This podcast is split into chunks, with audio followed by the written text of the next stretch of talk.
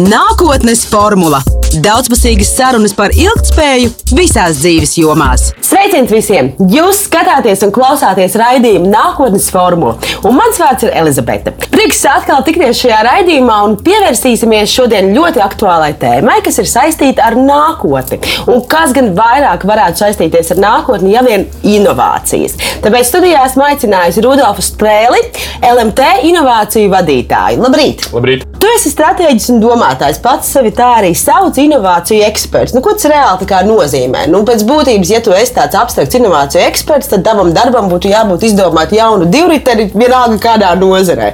Ko šis jēdziens vispār ietver? Paldies! Reizēm liekas, ka man pat primāri ir jāizdomā pašam savu darbs, jo tās lietas, kā inovācijas attīstās organizāciju līmenī, publiskajā sektorā, privātajā ikdienā, tas prasa aizvien jaunus vispār modeļus, kā strādāt.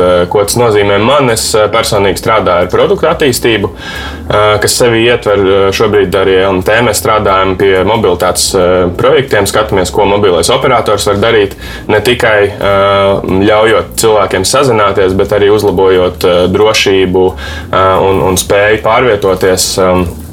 Un, un tas ikdienas darbs ir vairāk saistīts ar šo produktu attīstību, bet, uh, lai viņus attīstītu, ir arī jāmaina vide, jāmaina organizācijas kultūra, uh, dažādas nianses, kas ļauj šiem jaunajiem risinājumiem, jeb inovācijām rasties. Un tas mans uh, pienākums un darbs un, un aizraušanās arī reizē ir um, rūpēties ne tikai par to produktu, bet īstenībā pat vēl vairāk rūpēties par to vidas attīstību, kas ļauj dzimt šiem jauniem produktiem, jaunām inovācijām. Ko mācās inovāciju eksperts? Kas ir tās prasmes, tās zināšanas, tas kopums, kas ir tava zināšanu bāze, lai tu varētu vispār startēt un domāt par šīm pārmaiņām? Mm -hmm. Šobrīd, eh, lai arī ir speciāli inovāciju tendētas izglītības programmas, es esmu vairāk sakomplektējis no tādiem lielākiem eh, puzles gabaliem, eh, sāku ar produktu dizainu um, un, un vairāk pat, pataustīju, ko nozīmē uh, industriālais dizains, produktu dizains, kas uh, liek domāt uh, taustāmā veidā. Pēc tam es mācījos Amerikā Prāta institūtā stratēģiju dizainu, kas ir dizaina menedžmenta kurs. Bija maģistrs divi gadi, kurā vairāk mācīja par to procesu, kā to darīt un, un, un apdomāt mazliet, vai vispār vajag kaut ko radīt jaunu. Un tā arī bija tāda liela pārmaiņa, jo bieži vien mēs tikai taisām jaunas un jaunas lietas un risinājumus, un mēs neaizdomājamies, kāpēc to vajag darīt. Un tad tas otrs bloks bija tas stratēģija bloks, kur ienāca gan ilgspējas jautājumi, kas ir ļoti būtiski dažādi apvienoto nāciju ilgspējas mērķi, savienojumā ar, ar, ar biznesa mērķiem, grupu darbs un, un šī kultūra, par ko es iesāku runāt, tas bija milzīgs fokus arī. Mēs teiksim, nevarējām pabeigt skolu, ja, mums, ja mēs nenoformējām savu gala darba grupu un, un nevarējām vienoties par to, kā mēs strādājam grupā. Vai arī mēs nevarējām pabeigt visu programmu, ja kādas no mūsu idejām nesakoja vismaz dažiem no apvienoto nāciju ilgspējas mērķiem. Tā kā šis bija tāds nākamais eh, bloks, un eh, pēc tam jau ir eh, prakse. Visticamāk, gan ekonomikas ministrija, gan Latvijas mobilais telefons, gan mana, manas privātās aktivitātes, dažādās apmācībās, pakalpojumu dizaina darbnīcās, lekcijās tas dod to, to svaigo pieredzi, jo neviena skola nevar iedot uh, tik labi kā industrija. Uh, pēdējā laika kaut kāda informācija, pēdējā laika izaicinājumus un, un spēja par to domāt un mācīties. Tā kā, jā, tie būtu tie trīs galvenie bloki - tāds praktiskais, strateģiskais un tad, uh, tad industrija. Kā tu vienkāršiem vārdiem skaidrot, kas tad ir inovācija un kas tad nav savukārt inovācija? Kā nošķirt šos uh -huh. lielumus? Un šis ir ļoti labs jautājums. Tas ir tāds, vakarā sēžot pie vīna vai pie kamīna fantazēt, kas tad ir inovācija. Bet uh, priekš sevis es esmu nodefinējis, ka inovācija ir. Um, primāri tā ir pārmaiņa, un tā ir kaut kāda tiekšanās uz kaut kādu jaunu kvalitāti. Inovācija ir jāskatās noteiktās kategorijās, teiksim, kas priekš mums ir inovācija, vai, vai izgudrot jaunu datoru ir inovācija vai nav. Nu, mums jau ir datori, tā kā visticamāk tā nebūs inovācija, bet uh, pieņemsim, tur Āfrikas ciematā, kur, kur vēl šo, šodien daudz ciltis gatavo ēdienu uz, uz uguns plītiņām, viņiem ienest gāzes plītiņu, viņu saimniecībā tā ir inovācija. Tātad pamainīt kaut kādus ikdienas procesus, ceļot kvalitāti, ceļot sociālās un vidas kvalitātes, um, optimizējot kaut kādu resursu izmantošanu, tā, tās, tās tās inovāciju komponentes. Uh, un inovācija nav tikai viena šķietami kaut kāda tāda salūta veidīga parādība, kā, kā teiksim, var minēt piemēru ar uh, Teslu, ko um, Šobrīd ir ļoti skaļš auto industrijas piemērs inovācijai, kā pilnīgi var pārdefinēt eh, visu, sākot ar produktu, biznesa modeli, eh, veidu vispār, kā tirgot un kā aizsniegt lietotāju. Un eh, tas ir šis tā saucamais disruptive innovation modelis, kurā tu nu, pilnīgi izjauc visu, kas ir bijis. Un klasiskā izteiksmē liekas, ka inovācijai ir jābūt šai skaļai pārmaiņai. Bet īstenībā viņa nav skaļa pārmaiņa. Viņa bieži vien ir neredzama, saplūdusi ar apkārtējo vidi, un tikai vienā brīdī tu saproti, ka ir, eh, ir kaut kādā ziņā vieglāk, labāk, eh, kaut kas ir aizsniedzamāks, kaut kas ir patīkamāks palicis. Un tad šīs ir tās eh, inovācijas, kas ikdienā mums nebūtu nav varbūt jāredz, bet ir jāizjūt. Bet tev arī bija tādas situācijas, ka dažkārt tu varbūt izveido kaut kādu inovāciju, kas tev liekas super stilīga, super laba, un tā sanāk tāda inovācija, inovācijas pēc. Nu šķiet, ka tas vedīs kaut kur uz priekšu uz attīstību, bet beigu galā nu, tas vienkārši neiedzīvojās. Kurā brīdī dzimst tas inovācijas jēgpilnums? Vai nav tā, ka tas ir tikai vienīgi šajā brīdī, kad tā reāli nonāk tā lietotāja rokās un viņš to sāk izmantot? Mm -hmm, ļoti labs jautājums. Jā, ienes jau svarīgu punktu par, par lietotāju. Protams, ka iedomājoties kādu jaunu ideju, kā bieži vien radās arī inovācijas vai nu tādā kopradzes modelī starp dažādiem cilvēkiem, vai viens iet pa ielu un pēkšņi viņam atnāk tā galvenā ideja. Um, tas ir tas prieka brīdis, kad liekas, nu, tūlīt mainīsies. Tūlīt būs revolūcija kārtējā. uh, un tad tu sāc darīt, un tu aizēji pie tā lietotāja, tu paprasti, ko tu par to domā, un tu saproti to vidi, kurā vajadzētu dzīvot tam risinājumam. Un tad tā, tā kulminācija mazliet noplok, jo ir tādi mm. reālās pasaules spiedieni uh, šai idejas attīstībai. Uh, un tur būtiski ir ļauties tam brīdim, ka inovācijas attīstībā mm, ideja vai projekts, jeb, jeb risinājums, viņš var mainīties un transformēties. Viņš var pavisam um, teikt, nomirt un pazust. Ne? Viņš var palikt salvetes skicē, bet viņš var arī transformēties un attīstīties par kaut ko jaunu. Un tā, tie inovāciju virzieni, kuri tiešām nu, zinātnieks iet, viņam ir šī viena dzirkstels ideja, un, un viņi arī aiziet tieši precīzi tādā virzienā, tas īstenībā ļoti redzams gadījums. Visbiežāk ir šie transformācijas modeļi, kuros cilvēki vienkārši ļaujās, ka ideja kopīgi attīstās tālāk, un, un tā viņi izaug par kaut ko jaunu un svaigu, un, e, kā teica jau lietotājiem, noderīgu. Tas ir ārkārtīgi būtiski pārliecināties, ka tas, ko mēs taisam, ir kaut kam no, nepieciešams. Bet nav tā, ka tavs uzdevums ir bieži vien cīnīties arī ar cilvēku slinkumu, jo it kā no vienas puses inovācija būtu jāatvieglo dzīvi, tā pašā laikā cilvēks ir tik nenormāls, slings, kaut ko darīt ārpus kārtas, un vienalga, tu kaut vai nomaini datoru vai paņem foršāku telefonu, bet tu domā, bāc, visa datu pārnese, atkal vēl kaut kas, viss tur jāpielāgojas, kaut kāda jauna sistēma jāapgūst. Un dažkārt tu pats atliec to soli pretī progresēt, tāpēc ka vienkārši ir slinkums to mhm. mācīties un apgūt. Man personīgi tā ir. Es bieži vien jaunas lietas kaut kā tā slinkāk, jeb tā ar, ar spiedienu pieņem. Jo, jo, protams, mēs esam pieraduši pie kaut, kādām, pie kaut kādas savas kultūras, pie kaut kādām savām prasībām un, un darbībām. Un jebkura jaunā lieta, jebkura visfantastiskākā lieta, jeb šī inovācija, ir kaut kādas pārmaiņas mūsu ikdienas eh, procesos, ikdienas uh, paradumos. Līdz ar to viss jaunais nāk ar kaut kādu mazu tādu aizturīti. Eh, ir, ir kaut kādas nelielas bailes, uztraukums, kā varbūt tas būs. Droši vien, ka būs čakars, un mums, kā cilvēkam, ir, ir tāda psiholoģiska tendence vienmēr iztēloties to ļaunāko. Nu, ja nāks jauna lieta, tā, tad tur būs kaut kas droši vien. Švaks vai ne? Nu, reti, kad ir tie pozitīvie gadījumi, ka mēs domājam, ka šis aizies, tur būs superīgi, un tie, tie droši vien tie inovāciju vadītāji, kas tā domā par savu ideju, nevis tie, tie lietotāji. Bet tur arī ir, nu, ir dažādi paņēmieni, kā ieviest, kā domāt par to, lai šī pārmaiņa būtu pēc iespējas patīkamāka tam lietotājam. Un tā ir daļa arī no Mm, pašu produktu, jeb pakalpojuma, eh, jeb šīs lietojamības, eh, kā angļuiski saka, user experience, kas ir atsevišķi vispār eh, darba, darba vieta, UX dizainers. kas rūpējas par to, lai šī lietotāja pieredze būtu patīkama, lai datu pārnes uz jaunu komputeru nebūtu sāpīga, bet būtu, tie būtu divi klikšķi, lai tas būtu atrisināts tur pamācībā vai jau nopērkot datoru tev veikalā, klienta servisā to visu palīdz izdarīt. Un, tā lietotāja pieredze, tas ir tas, par ko ir ļoti daudz jādomā. Un, un to mēs varam nevis tikai oficiālā izdomāt, bet mums ir tiešām jāiet pie lietotājiem, jāprasa, hei, ja lietot šo jauno risinājumu.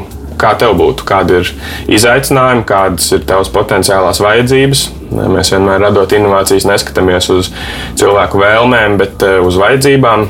Un te jau ļoti labi iezīmējās. Tu jau iezīmē kaut kādus sāpīgos potenciālu mm. punktus, kas var rasties. Un tad mūsu, kā inovāciju vadītāju, dizaineru un stratēģu mērķis ir šos punktus atrisināt un, un, un tā teikt, radīt jaunu, fantastisku produktu ar augstāku pievienoto vērtību, augstākām vidas kvalitātēm, sociālām kvalitātēm un tam līdzīgi. Vai nav tā, ka zelta atslēga vispār ir komunikācijā par to, jo nu, tikai vienīgi tad, ja cilvēkiem liekas, rodas tā izpratne, kāpēc tas ir nepieciešams un kādā veidā neksim, šīs jaunais risinājums, ko viņš apgūs, kur viņš patērēs varbūt ekstra laiku un enerģiju, bet tad tur būs tie bonus punkti, kad nezinu, viņš būs tur vidē draudzīgāks vai tur nezinu, palīdzēs kādam citam cilvēkam vai, piemēram, nezinu, radīs pieejamību kādai citai sociālajai grupai. Uh mhm. -huh. Man šķiet, ka tieši tajā komunikācijas aspektā iespējams ir kaut kādi vislielākie uh mhm. -huh. klupšanas akti akmeņi, jo cilvēks nesaprot, tad viņam uzreiz nē, nē, nē paldies, šis uz mani neatiecās. Jā, es domāju, ka komunikācija arī ir daļa no, eh, daļa no pašas inovācijas. Ja tas ir viens produkts, viena eh, taustāma lieta, tad tas, kā mēs runājam par šo lietu, tam būtu, būtībā būtu jāietver jau eh, arī komunikācija, mārketinga stratēģija un, un tam līdzīgas aktivitātes. Visu to saucamo vērtību ķēdi, kas ir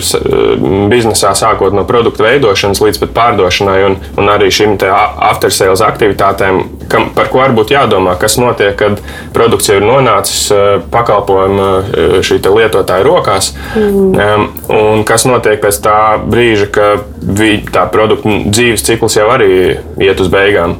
Jo katram jebkuram produktam, pakalpojumam ir kaut kāds dzīves cikls, ne, kurā mēs radām viņu, e, lietojam, un, un, un tad viņš e, lēnām izbeidzās gan kaut kāda kvalitāte, mehāniskās vērtības un tam līdzīgi. Un tad dizaineru pienākums un, un stratēģi un biznesa veidotāju pienākums ir domāt par to norietu brīdi, e, kā mēs tiekam līdz kaut kādam, vai nu mēs reciklējam šo produktu, vai mēs pārējām kaut kādā jaunā 2.0 versijā produktam, vai mēs rūpējamies par to, lai pie lietotāja nonāk atkal šis jaunais risinājums un viņam ir nesāpīga pārēja uh, uz, uz kaut kādu jaunu produktu vai pakalpojumu tam līdzīgi. Bet kā tu pats vērtē teiksim, šo te kaut kādu biznesa interesi tajā visā? Nu, piemēram, man liekas, bišķiņi nepareizi tas, ka nu, jau nu, tajā pašā tehnoloģiju pasaulē, kas pašlaik reprezentē, ir visreprezentējošākā vide tieši inovācijām, nu, šis te, kā saka, deadlines, jā, viens, divi, trīs gadi jauns telefons, viens, divi, mm. trīs gadi jauns dators, kad industrija mani spiež, bet tad, ja es negribu, principā ar visiem updatiem, ar kaut kādiem tehniskiem mm. ierobežojumiem, ar kaut kādām salāgojamībām, kas vairs neeksistē, un es pēkšņi to veco gadgetu nevaru piesprāst pie sava jaunā datora vai otrādi. Man, principā, gribot, negribot, ir visu laiku kaut kas jāmēģina par spīti tam, kad vecā ierīce, piemēram, ir eh, ļoti funkcionālā kārtībā. Vai tur nav teiksim, tāds arī kaut kāda, kā saka, par daudz iejaukšanās eh, un, un, un vēl joprojām nesabalansēta šī ilgspēja ar šo biznesu, kur, nu, kā saka, lielie granti grib pelnīt to, ko viņi grib pelnīt. Precīzi, jau ļoti pareizi atbildēja. Tur atslēga ir šis peļņas aspekts un īstenībā liela daļa nu, slinkums un, un nevēlēšanās pašām organizācijām mainīt savus biznesa modeļus. Man arī ārkārtīgi nepatīk viens no labākajiem un reizē sliktākajiem produktiem, manuprāt, ir iPhone. Jo, un, un arī Apple dažādi produkti, kuri ir vienkārši radīti tā, lai viņus būtu čakars remontēt un vieglāk būtu nopirkt jaunu. Un tie ir arī tirgu viena no dārgākajiem tādu veidu produktiem. Līdz ar to, manuprāt, tas ir diezgan diezgan slikts dizains, e, gan no biznesa viedokļa, gan, e, gan no šī pakalpojuma e, lietotāja pieredzes. Jo pirkt aizvien jaunas lietas, tas ir patiešām muļķīgi, un tā ir tāda vecā pasaule. Mm. Un es domāju, ka tas tam ir jāmainās, un, un tas ir tikai laika jautājums, kad mēs uzķersim to aizrautību, domāt, transformēt nevis pašus produktus un iet uz tur jauniem un, un, un tam līdzīgiem, bet transformēt tos biznesa modeļus. Ko tas nozīmē? Un pārfrāzējot, eh, pieņemsim, ja mēs izdomājam supertelefonu, kas eh, neizjūg nākamos desmit gadus, tad kas ir tas, kas nodrošinās to peļņu uzņēmumam? Tajā gadījumā mēs varam domāt par dažādiem pakalpojumu līmeņiem, kas ir apdrošināšana, servis, tur ik, ik mēneša, ja tur apkopes mm. kaut kādas un tam līdzīgi. Kas ir tās lietas, kur mēs varam palīdzēt šim produktam dzīvot ilgāk, attiecīgi dabūt ienākumus no, no lietotāja? Turpināt uh, biznesa procesus, bet reizē nenogalināt to, ka šis produkts ir, ir, ir tiešām ar mazu uh, dzīves ciklu un, un ātri izmetams. Tas, tas, no tā būtu jāiet prom, protams. Ir daudzi labi piemēri, un viņi arī ļoti grūti adaptējās tirgu. Runājot par jā, telefoniem, arī ir tāds Fairphone, kas ir um, sas, no, no dažādām sastāvdaļām. Ja tev kaut kas izjūg, tu vari kā iesprāst un, un, un, un dabūt jaunu, bet um, nav tik viegli nav tik viegli. Kā saka, prasīs vēl ilgu laiku, es domāju, bet uh, ir vēl tā otra sfēra. Nu, ir uh, šīs tehnoloģiskās inovācijas, kas, manuprāt, ir salīdzinoši viegli saprast no produktu pakalpojumu un biznesa vidē. Tas tāds, man liekas, diezgan, diezgan izprotams koncepts, arī tad, ja tu vispār neesi par to nekad dzīvē interesējies. Bet kā ar to otru pusi, kas ir sociālās inovācijas, ko tas nozīmē? Tas nozīmē, manā priekšstatā es neesmu primāri sociālo inovāciju teiksim, speciālists, bet cik es esmu ar to saskāries un veidojis kaut kādas gan darbnīcas, gan palīdzējis no strateģiskās puses. Nu, tā primāri ir dzīves kvalitātes celšana, arī paturot prātā to, ka mums jebkuram, jebkurai sociālajai grupai ir kaut kāds nospiedums uz apkārtējo vidi. Un tad šī sociālā inovācija visticamāk ietver ne tikai cilvēku labklājības celšanu, bet arī to, to aprēķinu, kā mēs varam cilvēku apkārtējā vidē padarīt dzīvotspējīgāku, mobilāku un, un, un tam līdzīgi. Manuprāt, sociāla inovācija ir tāds nenovērtēts, varbūt vēl varbūt neaktīvāks formāts, jo, kā jau minēju, tehnoloģija inovācijas ir tas skaļais piemērs, kur attīstīt kaut kādus jaunumus, jauni sensori un tam līdzīgas lietas. Bet sociālā inovācija ļoti būtiska, jo tie, tie ir izaicinājumi, kas ir mums blakus. Un mums nav blakus tikai um, šī digitālā transformācija, kas varbūt ir tehnoloģija, inovācijas zinulis, bet, uh, bet arī uh, cilvēku dzīves kvalitātes celšana. Un, un tur, es domāju, arī jāliek ir uh, trešais bloks klāt, kas ir uh, vidas inovācijas, kas arī var būt saistīts gan ar tehnoloģijām, gan ar mm. cilvēku vai, vai teiksim, organizācijas pārvaldes modeļu transformāciju. Arī rūpes par vidi, tas būtu jāliek kontekstā ar to, kā mēs ejam tajā biznesa biznesa, tehnoloģija attīstībā, cilvēku labklājības celšanā un, un vidas eh, standartu kvalitātes un, un, un saudzēšanas eh, virzienā. Ko tev, prāt, vispār ietver tā mūsu jā, prasība būt gataviem pārmaiņām. Jo īstenībā inovācijas visciešākā veidā korelē ar to, ka pirmkārt mēs mainamies gan apzināti, mm. pašmotivēti, mēs attīstāmies, mēs domājam, mēs paši radām un cenšamies to visu adaptēt un pielāgoties tam. Bet tad ir tā ārējā vide. Nu, piemēram, šis gads izcili pierādīja to, ka ir vienkārši stunda X, kad notiek kaut kas, kad visam globusam pēkšņi ir jāpielāgojas pilnīgi jauniem spēles noteikumiem. Un inovācijās ļoti daudz runā tieši par šo pārmaiņu vadību vadību un šīm te, jā, mūsu gan iekšējām prasmēm, gan arī mūsu spējai reaģēt uz šo ārējo vidi, lai būtu vispār tam gataviem. Kā tu uz to skaties, ko tu par to zini un ko ietver šis jēdziens, jā, pārmaiņu vadība vai arī ko, nu, šī iekšējā mūsu sajūta, teiksim, būt gataviem pārmaiņām? Mhm. Par to pirmo bloku, ka mēs jau mācāmies un attīstāmies un tam līdzīgi, to es labprāt nokritizētu, ka īstenībā ir izaicinoši to, kā mēs mācāmies un kā mēs attīstāmies, jo gan informācija, ko mēs ikdienā patērējam, cilvēkiem, gan eh, tas apzinātais veids, kā mēs vēlamies sevi attīstīt, tas īstenībā nu, ir diezgan neaktīvs. Mums ir tendence kā cilvēkiem eh, būt kaut kādās savās eh, kvalitātes zonās, kas, kas nepieprasa kaut kādu attīstību. Un, Un, un, Tas sauc par komforta zonu. Jā, jā, jā. kas ir inertums tāds vienkārši. Jā, mums, mums ir drošs darbs, mums ir tur ģimene, vēl kaut kas, kaut kāds savs aplis. Mm -hmm. Un tur baigi tur kaut ko domāt par attīstību, laust kaut kādas savas kvalitātes un, un iet jaunās, tas nav īsti ērti. Tāpēc es domāju, ka e, tās cilvēku grupas, kas tiešām mērķiecīgi iet uz savu attīstību, gan tādā izglītības ziņā attiecībā pret e, nu, nezinu, tehnoloģijām, ekonomiku, biznesu, tādām cilvēku izdomātajām lietām, gan pret savu iekšējo pasauli, kas ir tur veselība, spēja tur, nezinu, katru dienu meditēt un iet izskriet. Nu, tas ir jau ļoti labs virziens, ja, ja kāds to, to, to regulāri dara visu. Otra komponente ir šie ārējie faktori, kas ietekmē tiešām to spēju pielāgoties un, un kur mēs tajā visā paši atrodamies. Es pats jūtos diezgan neērti, varbūt tajā brīdī, kad sākās visas Covid tēmas. Tā bija tāda interesanta pieredze gan organizācijas līmenī, gan personīgajā līmenī. Un tad par to spēju pielāgoties man ir ideja par to, ka, manuprāt, mēs īsti tā nemaz nevaram radīt to spēju pielāgoties. Mēs, mums vienmēr kaut kādas jaunas lietas nāks ar kaut kādu baiļu, uztraukumu sajūtu. Nu, un, un viss jaunais ir kaut kas vēl nepieredzēts. Ne? Līdz ar to tam sagatavoties mēs īsti nevaram. Ko mēs varam darīt, ir trenēt sevi, mēģināt jaunas lietas, trenēt sevi, uh, riskēt un, un varbūt pamēģināt kaut ko jaunu. Un caur tiem maziem dzīves treniņiem tad uh, arī lielās lietas, varbūt un lielie pārsteigumi, vienalga patīkami vai nepatīkami, varētu būt uh, nu, mazāk stresaini. Nu, otrais Covid vilnis šķiet tomēr nedaudz jau tāds viss kārtībā, pārēsim online, mm -hmm. tur mhm. lekcijas online, šis tur vēl kaut kas, to varam, jā, jā treniņš ir bijis. Un tāpēc arī ikdienā ir, ir forši izaicināt, es pats sev mēģinu mēģinu izaicināt. Eh, nesenākais, nesenākā mana sociālā inovācija priekš sevis ir eh, slēglains, jeb šī tāda līdzsvara lenta, ko novelk ar diviem kokiem un, un mēģina no, noiet. Nu, pēc idejas, eh, kāda jēga, bet no otras puses ir aizraujoši, jo tas nav nekas, ko es esmu iepriekš darījis. Tas man kaut kā palīdz celt manas kvalitātes, un ja būs brīdis, kurā man vajadzēs noiet pa striķi starp diviem kokiem, nu es jau būšu gatavs.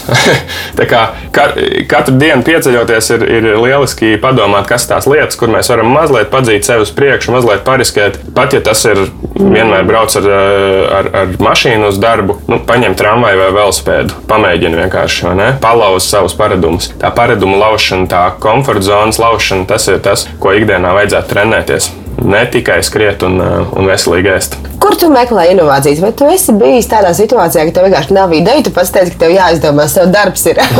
un tad vienkārši, ok, ok, kaut kas man jāizdomā, kaut ko es tagad darīšu. Kā tev ir bijis, kur tu, kur tu meklē un kā tu sāc šim procesam pieiet? Ja tu es, ja, ja rodas tā sajūta par to, ka tu esi tajā komforta zonā, uh -huh. ja tā man liekas, ir tā visbiedējošā. Ja komforta zona vienmēr korelē kaut kādā ziņā ar stagnāciju. Uh -huh. Ja tu kādu laiku sēdi mierīgs, apmierināts kā valis savā komforta zonā, tad pienāks diena X, vienalga, vai tas ir pēc mēneša vai pēc dažiem gadiem, ka tu jau būsi kaut ko iespējams nokavējis. Mm -hmm. Kur tu meklē sevi šo iedvesmu, radošumu, gan tu jau minēji privātajā dzīvē, gan arī profesionālajā dzīvē, kas ir visnotaļ izaicinošāk? Uh, ļoti labs jautājums. Mazliet jāizdomājas. Primāri man, man laikam nav ļoti liels izaicinājums ar to e, komforta zonu, jo vienmēr sanāk kaut kāds talants ir iemest kaut kādās aizdomīgos projektos un, un, un idejās, un tās idejas rodās, un tad ar viņām kaut kas ir jādara, un tu neviļus kaut kā nonāc tajā situācijā, ka, e, ka kaut kas interesants notiek, bet e, tā, tā varbūt e, tukšuma telpa rodās tajā brīdī, kad tu saproti, ka tā tava inovācija, jeb, jeb risinājums, pat, pat nevajag inovāciju, vienkārši tā ideja, vai nu viņai nav pietiekamā komanda riņķī, kas var attīstīt attīstīt, vai nu teiksim, šis te tirgus nav gatavs tavai idejai, un, un ir kaut kāda pietiekami daudz ap, apkārtējo risku un, un šķēršļu, kāpēc tu viņu nevari realizēt. Un tad ir tāds, ah, nu, tik labi bija un, un visu izdomāju tik tālu un, un jau sākām darīt, bet nu, nav gatava tā vide vēl. Un tad reizēm ir tie brīži, nu, tad, nu, nu ko tagad? Taču tā gribējās darīt to vienu lietu. Un uh, tad ir daži triki Arī viens ir, protams, dažādas fiziskas aktivitātes, kas tīri fizioloģiski palīdz um, smadzenēm domāt raitāk.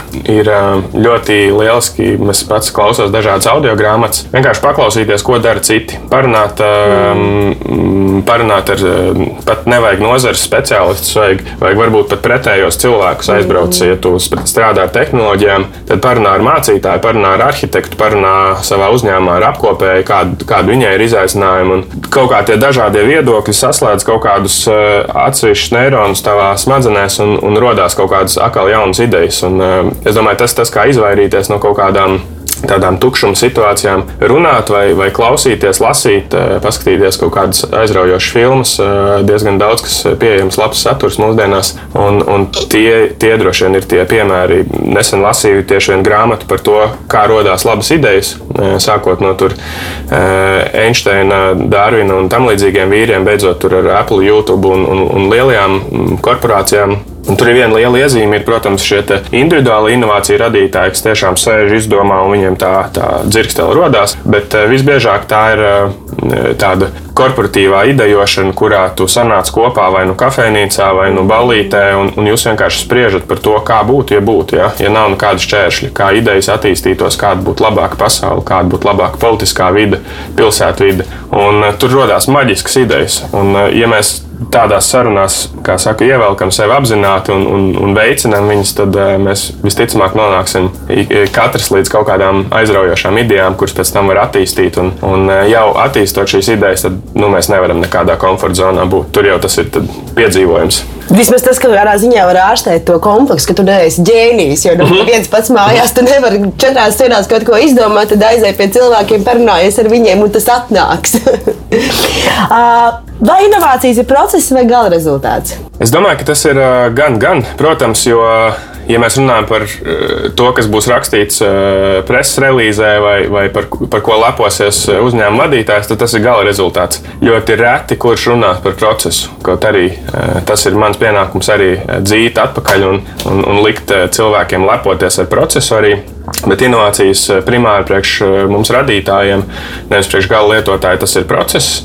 Un tā ir tā jāspēja gan Eh, cīnīties un, un pārveidot kaut kādu esošo vidi, gan radīt jaunus instrumentus, jaunus darba instrumentus. Eh, mums ir visādi modeļi, kā strādāt, bet eh, mēs aizvien varam viņus transformēt, radīt jaunus, jaunus pārvaldības modeļus, projektu vadības modeļus.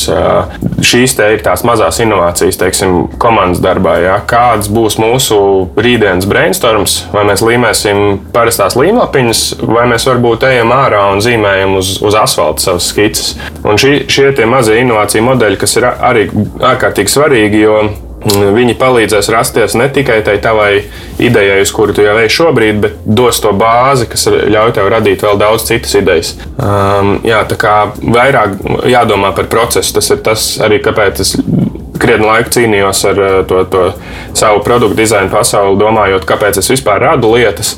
Un nonācu līdz šī Ņujorkas skolai, saprotot to, ka nu, vispirms pirms pakalpojumu un produktu radīšanas ir tiešām jādomā, vai viņu vajag, kāpēc viņu vajag, kā to varēs izdarīt, kam tas būs vajadzīgs. Jāuzdod šie jautājumi, nevis uzreiz jāmetās iekšā. Tas, man liekas, ir kaut kādā ziņā tas industriālā laikmeta tāds konceptuālais mantojums, ar ko mēs dzīvojam. Tāds ražot, ražošanas pēc, un mm -hmm. būvēt, būvēšanas pēc, kad tik lielāk, kad tik vairāk, un, un kad tik daudzāk un, un masveidīgi pie visiem tas nonāk. Un kaut kādā ziņā varbūt šis digitālais laikmets mums iedod šo iespēju atkāpties nedaudz trīs soļus atpakaļ, nekā paskatīties pēc būtības. Jo tas, protams, liekas absurdi. Kā var uzbūt, uzbūvēt slimnīcu, kas nav ērta lietotājiem, mm -hmm. kas mhm. ir vide, kas ir nu, viss nepieciešamākā, lai būtu super ērta un pieejama visiem. Bet mums ir slimnīcas, kas ir super nērtas. Tieši tāpatās kā skolas un entās, entās arī digitālās lietotnes katru dienu, ko mēs izmantojam. Šī nērtība, man liekas, kaut kādā ziņā materializē tās visas industriālā laikmeta kļūdas, kur vienkārši mēs esam aizmaukuši kaut kādā tādā bezjēdzīgā attīstībā. Mm -hmm. Liekas, ļoti labs piemērs. Mēs arī skolā domājam, vienu no gala projektiem risināt to izaicinājumu, kā varētu radīt olimpiskās pilsētiņas eh, transformējumus, vai, vai, vai kas ir viņa nākamais dzīves cikls. Jo, ja paskatās vēsturiski, kā, kas notiek ar uh, iepriekšējām olimpiskajām pilsētām, tur ir arī fantastisks resursu izlietojums. Un uh, pa lielam tu esi radījis tādu mirušu vidi, kas nevienam nav vajadzīga, ir iztērēti miljoni, miljardi, un, un jā, tas, tas lietotājs nemaz nav tur gala rezultātā apmierināts. Tādas ir ļoti daudz ļoti, ļoti daudz piemēru, eh, kuros mēs varētu vairāk domāt par to, jā, ko, ko un kam radīt vispār. Kā tu domā, kādā punktā mēs esam uz kaut kādas tādas attīstības kartes, teiksim, cik daudz mums vēl ir un cik liels ceļš ejams, lai mēs nu, kaut vai elementāri pietuvotos kaut vai nedaudz, sākot ar ANO ilgspējīgas attīstības mērķiem un beidzot ar vienkārši ērtu, pieejamu un kaut kādā ziņā loģisku un sakārtotu vidi, kurā mēs dzīvojam un, un, un, un priekšmetu un pakalpojumu pasauli, ko mēs lietojam. Tas ir uh, Latvijas līmenis, Eiropas līmenis vai mēs kā cilvēci? mēs kā cilvēci varbūt tas tāds pavisam futuristisks, jā, bet, bet visos līmeņos, jā, jo vienmēr ir svarīgi, kā nu, mēs jau varam spriest par sevi tikai salīdzinoties ar kaut kādu nedaudz lielāku komponentu. Protams, kad ir viena situācija šeit, Latvijā, tad ir kaut kāda cita situācija Eiropā, un varbūt Ziemeļamerikā, un tad ir kaut kāda vēl globus situācija. -hmm. nu, tur ir īstenībā tas uh, virziens varētu nebūt. Es esmu liels optimists, bet uh, tajā virzienā varētu arī nebūt tik rožaini, jo manuprāt, cilvēki ir īstenībā diezgan dumi un nemācās. Viņi kaut kā paudze pa paudzei pazaudēt tās iepriekšējās uh, mācības, un, un uh, tajā kontekstā mēs kaut ko mēs lēnām apgūstam un, un, un ejam uz priekšu, bet uh, tādā ilgspējas tēmā un, un attieksmē pret uh, vidi uh, un, un cilvēku kvalitātēm mēs tomēr diezgan lēni ejam uz priekšu. Un, manuprāt, ka reizēm ir vajadzīgas kaut kādas lielās krīzes, kas rada kaut kādu lielāku globālu vajadzību un zinuli pēc tā, ka nu, mums ir jāmainās. Nacionālā mērogā es domāju, ka tur ļoti labi var nospēlēt mm, politiskie līderi, kuri spēj tādā lielākā mērogā, piemēram, aizraut un, un, un mainīt to, kā mēs attīstām izglītības vidi, biznesa vidi, sociālo vidi, ja šīs galvenās prizmas. Un tas būtu tāds liels būtisks solis, kur iet. Iekļaut katrā pamatskolas klasē vidas stundu, kas māca par aprits ekonomikas principiem, par to, kāpēc un kā ir tur jāšķiro atkritumi un, un kā mēs vispār izturamies pret resursu patērēšanu. Jā, jā. Man ļoti labs piemērs ir, kā Nesen vienā lielveikalā pie kases eh, ir, ir, ir jā, eh, vecā kundze, kas, eh, kura ir pazīstama laikam ar kasieru, un kasieru viņai dod maisiņu, un, un otra dāma saka, nu, ne, nevajag, man meita neļauj tos maisiņus nest mājās. Man liekas, tas ļoti labs piemērs, kā mēs tādā dažādu sociālo slāņu griezumā mācāmies kaut kādos posmos, bet tas ir jādara krietni ātrāk priekš tā, kas notiek no apkārt vidas kontekstā un, un, un kaut kādā sociālā riska kontekstā. Jā, tā kā valsts līmenī noteikti uh, Levitkungs un, un, un Krišānis varētu riktīgi piebērt pulveri un, un, un tā teikt iet ne tikai tādu pareizo ekonomisko valsts attīstības ceļu, pieķerot kaut kādus sociālos riskus, tur bērnus un pensionārus, ja, bet, bet daudz apzinātāk iet ar kaut kādu valstisku stratēģiju, kur mēs gribam būt tā vīzija un misija, kas šādā stratēģijā varētu būt ietverta, tad, eh, nu, ja, ja mēs viņu virzam uz, uz eh, to, ka mēs gribam būt eh, tiešām nevis uz papīra zaļa, bet, bet patiešām zaļa valsts, vidē draudzīga valsts ar, ar augsts izglītotiem jauniešiem un, un, un spējīgiem biznesiem, tad, tad visticamāk, ejot lejā uz uzdevumiem, mēs varētu risināt diezgan jaudīgi, kā to darīt. Bet, nu, Tur ir jācīnās ar ikdienas kultūru, ar eh, esošiem kultūras elementiem, kas ir tomēr ražot vairāk un, un eh, pelnīt vairāk, un eh, kaut kur kādu Eiropas projektu iesūkt. Un, un tā, tā kā tā kultūra ir jālauž vienmēr. Nu jā, tur jau tās cilvēkiem tās bailes īstenībā man šeit arī konceptuāli ar visām digitālām, digitālām tehnoloģijām un lietām. Man šķiet, ka kaut kādai paudzei ir vienkārši bailes tīri elementāri pazaudēt darbu. Jo, ja tu mhm. tik, kā saka, neprātīgi ļausies visām tām inovācijām, tad mākslīgais intelekts drīz apsteigs uh, lielāko daļu cilvēka, cilvēka spēju un prasmi. Uh, vai tev šķiet, ka kaut kādā ziņā tehnoloģijas var apdraudēt kaut kādas veselas sabiedrību kategoriju, vispār spēju, nezinu, nopelnīt? Nopelnīt savu ikdienas iztiku un atrast kaut kādas darba iespējas. Jā, ja to dara nepārdomāti, tehnoloģija ieviešana, es domāju, no otras puses, ja es būtu liela uzņēmuma vadītājs, manuprāt, apzinātos, kur ir tie galvenie riski, kur manus darbiniekus uh, var apdraudēt. Piemēram, nu, manuprāt, uh, visu cieņu, man liekas, grāmatvedība ir viena no radošākajām profesijām, bet, diemžēl, grāmatvežiem varētu būt krietni jāiesīs nākamos 5-10 gadus, jo dažādas IT sistēmas, kas palīdz mums veidot gada pārskatus, aprēķinus un, un tam līdzīgi, ir, ir krietni jaudīgas un, un iespējams milzīgas organizāciju daļas varētu tiešām tikt transformētas. Kā par to transformāciju domāt laicīgi un pārkvalificēt cilvēkus, veidot jaunas e, hibrīda profesijas un, un, un piedot vērtību tam, ko viņi dara, nu, tas jau ir cits jautājums. Tā, tā ir milzīgi liela e, tāda tēma, kur arī gan organizāciju līmenī, gan tādā valsts līmenī būtu jārisina. Piemēram, mm. nesen da, vienu darbnīcu taisījām arī izglītības tēmā, kur tieši domājām, kā varētu Latvijā veidot uh, izglītībā hibrīdu profesijas, uh, kas nozīmē, ka, piemēram, arhitekts varētu no Rīgas Tehniskās Universitātes paņemt kaut kādus kredītpunktus, pieņemsim, vēl tur, turībā vai, vai mākslas akadēmijā un, un izveidot kaut kādu jaunu profesiju, kas ir tur digitālais, digitālais inženieris kaut kāds, jā, vai, vai tur mm. ekonomists plus, plus mākslinieks. Es nezinu, IT profesijas ir mm, tās, kuras ir pieprasītas, bet mums vairs nevajag parastu uh, izstrādātāju, jeb, jeb kodētāju. Mums vajag, mums vajag to, kas var, var uzrādīt mm, lietotāju pieredzi labāk. Mums vajag eh, cilvēkus, kas var uztaisīt, eh, orientēties tur agronomijā vai, vai bioloģijā, plus IT zinātnēs un tam līdzīgi. Tā kā šo cilvēku pārkvalifikācija un, un jaunas hibrīda profesijas droši vien ir nākamais eh, lielais solis. Es minēju, man ir ikdienā jāpadomā un jāuztraucās, nejauztraucās tas izaicinājums, foršs uzdevums domāt pašam sev darbu un, un, un, un tad par to droši vien vajadzētu domāt arī organizāciju vadītājiem un valstī. Vai inovācijas pēc savas būtības vispār var būt īstermiņa, vai šī gadījumā mēs fokusējamies tikai uz ilgtermiņu? Var. Inovācijas pēc būtības, pēc izstrādes principiem ir tendēts uz to, ka mēs nedomājam tādā klasiskā, lielā projekta līmenī, kurā mums ir, teiksim, nu, izstrādājumu Latvijā LV. Ļoti labs piemērs industrijas eh, stratēģiju starpā. Eh, superfunkcionāls risinājums, milzīgs ar, ar, ar daudziem pakalpojumiem. Un, un viņš prasa milzīgu resursu iesaisti, un viņš gala rezultātā nonākot līdz lietotājiem ir diezgan nelietojams un, un, un drāmīgs, un viņš izmaksā dārgi. Un tā nav inovācija. Tas, kā inovāciju būtu nepieciešams veidot, ir mazos iteratīvos soļos, kuros mēs um, katru iteratīvo soli, jeb, jeb darbību, ko mēs veicam, mēs testējam ar lietotāju. Mm. Mēs izveidojam mazu pakalpojumu daļu, kas jau ir kaut kāda vērtība, un tad, eh, tad tikai liekam klāt kaut kādus nākamos posmus. Un te, šie te mazie posmi ir šīs īstermiņa inovācijas. Ja mēs domājam par to, kā piemēram eh, pievienot eh, kvalitāti kaut kādai jaunai IT sistēmai, tad galvenais ir nedomāt tur visu, visu, visu aptverošo projektu. Ja mēs domājam, tur kā izveidot mašīnu, piemēram, sākam ar riteņiem, nedomājam uzreiz pilnīgi visu varbūt. Tas, tas viens virziens, kā ilgtermiņa inovācijas, nu, kas nozīmē ilgs termiņš biznesā, tur 5, 10 gadi.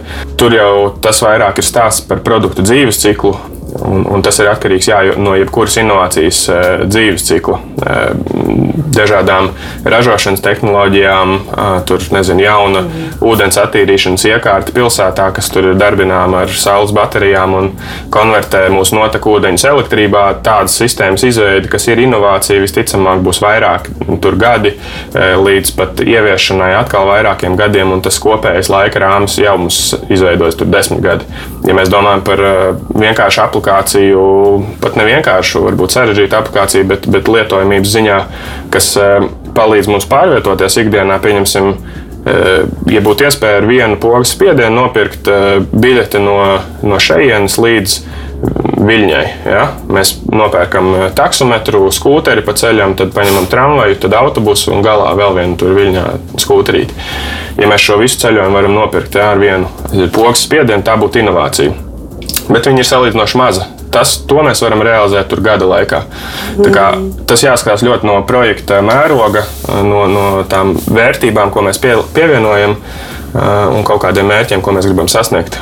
Vai tu tici, ka fokus uz inovācijām gan zinātnē, gan uzņēmējdarbībā ir Latvijas teiksim, tā, nākotne ar visaugstāko potenciālu? Jā, jā un nē, tur mazliet jāpašķietina par aizinātājiem. Man liekas, ka Latvijas konkurētspēja visnotaļ varētu būt tieši pakalpojumu dizainā, kas pakalpojums kā eksporta spējīgs produkts varētu būt tas virziens, kur iet. Jo, ja mēs skatāmies uz e, nu, fiziskiem materiāliem, fiziskiem produktiem, protams, mums ir kaut kāda veida resursi, kuriem mums vajadzētu pievienot vērtību esošajā situācijā, bet iet arī uz e, šo pakalpojumu e, virzienu. Piemēram, pie esošiem materiāliem mums tur, teiksim, skatāmies koku industriju, vēl aizvien diezgan daudz eksportējam baļķus bez pievienotās vērtības. Nu, tur mēs varētu tomēr domāt, kā aizvien vairāk pievienot vērtību, kāpties vērtību ķēdē biznesu, un, un tad gala rezultātā atvadīties no pietiekami augstas vērtības produkta, nevis vienkārši baļķi. Bet tur ir šie izaicinājumi ar dažādiem nu, dabas materiālu vai, vai, vai citu materiālu e, iegūšanas, pārvaldīšanas riskiem. Mums nāk dažādas dabas katastrofas, e, ārējie globālie riski, re, kur Covid ietekmē to, kā mēs varam tur importēt, eksportēt. Tie ir tie riski, kur, kuri varbūt, varbūt mazāki pakalpojumu dizaina sfērā, kas ir netveramāka, bet kur mums ir pietiekami daudz prāti, kas var palīdzēt citur pasaulē atrisināt kaut kādus izaicinājumus. Kā... Tik cik izglītības sistēma sakārtot? nu, viens izglītības vai, vai arī biznesa var daudz ko darīt. Mēs varam, um, nu pat LMT mēs arī testējām uh, tādu PhD programmu, kur var nākt uz uzņēmumu, teiksim, sadarbojamies ar RTU uh, profesori, jaunie profesori, kas var tādu kā praktisko postdoku programmu iet un, un testēt, kā ir strādāt industrijā un reizē izstrādāt savu darbu. Ja. Šādas iespējas, teiksim, Accenture ļoti labi, man liekas, iet izglītībā. Viņiem daudzas programmas tur Latvijas universitātē un, un vēl šur tur. Biznesa arī ir svarīga komponente, kas veido to izglītības daļu. Un, un viņiem pat būtu aizvien agresīvākiem jābūt, jo mēs nevaram sēdēt un, un ar sagrastotām rokām teikt, tur izglītības ministrijai tur vajag kaut ko tur reformu kārtējo. Mēs esam tie, kam vajag reformēties, un tad viņiem vajadzētu suportēt to, to regulatoro ietvaru. Mēs nu pat arī ar partneriem izveidojam tādu uh, Start IT uh, programma ir palīdzējām Start IT komandai veidot dizaina domāšanas pakāpojumu dizaina tādu apmācību kursu, mm. kur var redzēt startdesign.lv mājaslapā, kas arī ir platforma, kurā tu vari mācīties par to, kā veidot lietotāju centrētas inovācijas nu, sēžot šeit pat mājās, jebkurš klausītājs var atvērt vaļā startdesign.lv un, un, un sākt jau inovēt. Principā. Un tas ir jā, uzņēmēju, uzņēmēju pirksts, vēlme transformēt izglītību un, un radīt viņu pieejamāku. Es domāju, izglītība ir milzīga arī sfēra inovācijām ko arī Covid mums dod iespēju transformēt uh, informācijas sasniedzamību, transformēt uh, veidus, kā mēs komunicējam ar, ar lietotājiem, jeb skolēniem, uh, studentiem un tam līdzīgi. Tā ir forša lieta, kur iet. Kas būtu tā nākamā lieta, un varbūt arī kaut kādā ziņā tavs, tavs lielais sapnis, ko tu gribētu izdarīt kā inovators, kā, kā, kā domātājs, kā inovācija pētnieks? Ļoti labs jautājums. Šis ir milzīgs jautājums. Droši vien Droši vien es gribētu iet, eh, kā jau mēs runājam par to vidas veidošanas un transformācijas ceļu. Eh, es gribētu palīdzēt organizācijām veidot šos produktus un pakalpojumus daudz eh, optimālāk, ietaupot gan organizāciju resursus, gan izturoties daudz um, lietotāju centrētāk pret, pret, pret viņu klientiem. Esmu to darījis iepriekš strādāju ekonomikas ministrijā. Mēs patestējam, kā ir um, izmanto dažādus eh, dizaina domāšanas pakāpojumu, dizaina principus eh, politikas veidošanā. Arī likumi un politika var būt eh, lietotāji centrēti, bet, manuprāt, uzņēmumi ir tie, kas milzīgus līdzekļus var optimizēt un, un ieguldīt viņus atkal jaudīgi citur, ja šī produkta izstrāde tiek kaut kādā veidā sapurināta un, un, un, un padarīta jaudīgāka. Man, jā, tuvāko gadu misija droši vien ir mācīties gan no tā, ko es šobrīd daru, gan no citiem un, un likt lietā to, to, tos kaut kādus instrumentus, lai transformētu esošos Latvijas uzņēmumus. Paldies tev par šīs dienas sarunu. Paldies, Lielas. EHR studijā viesojās Rudolfs Strēlis, LMT inovāciju vadītājs. Līdz nākamajai reizei. Atā! Raidījums tapis sadarbībā ar Nacionālo elektronisko plašsaziņas līdzekļu padomi sabiedriskā pasūtījuma ietvaros.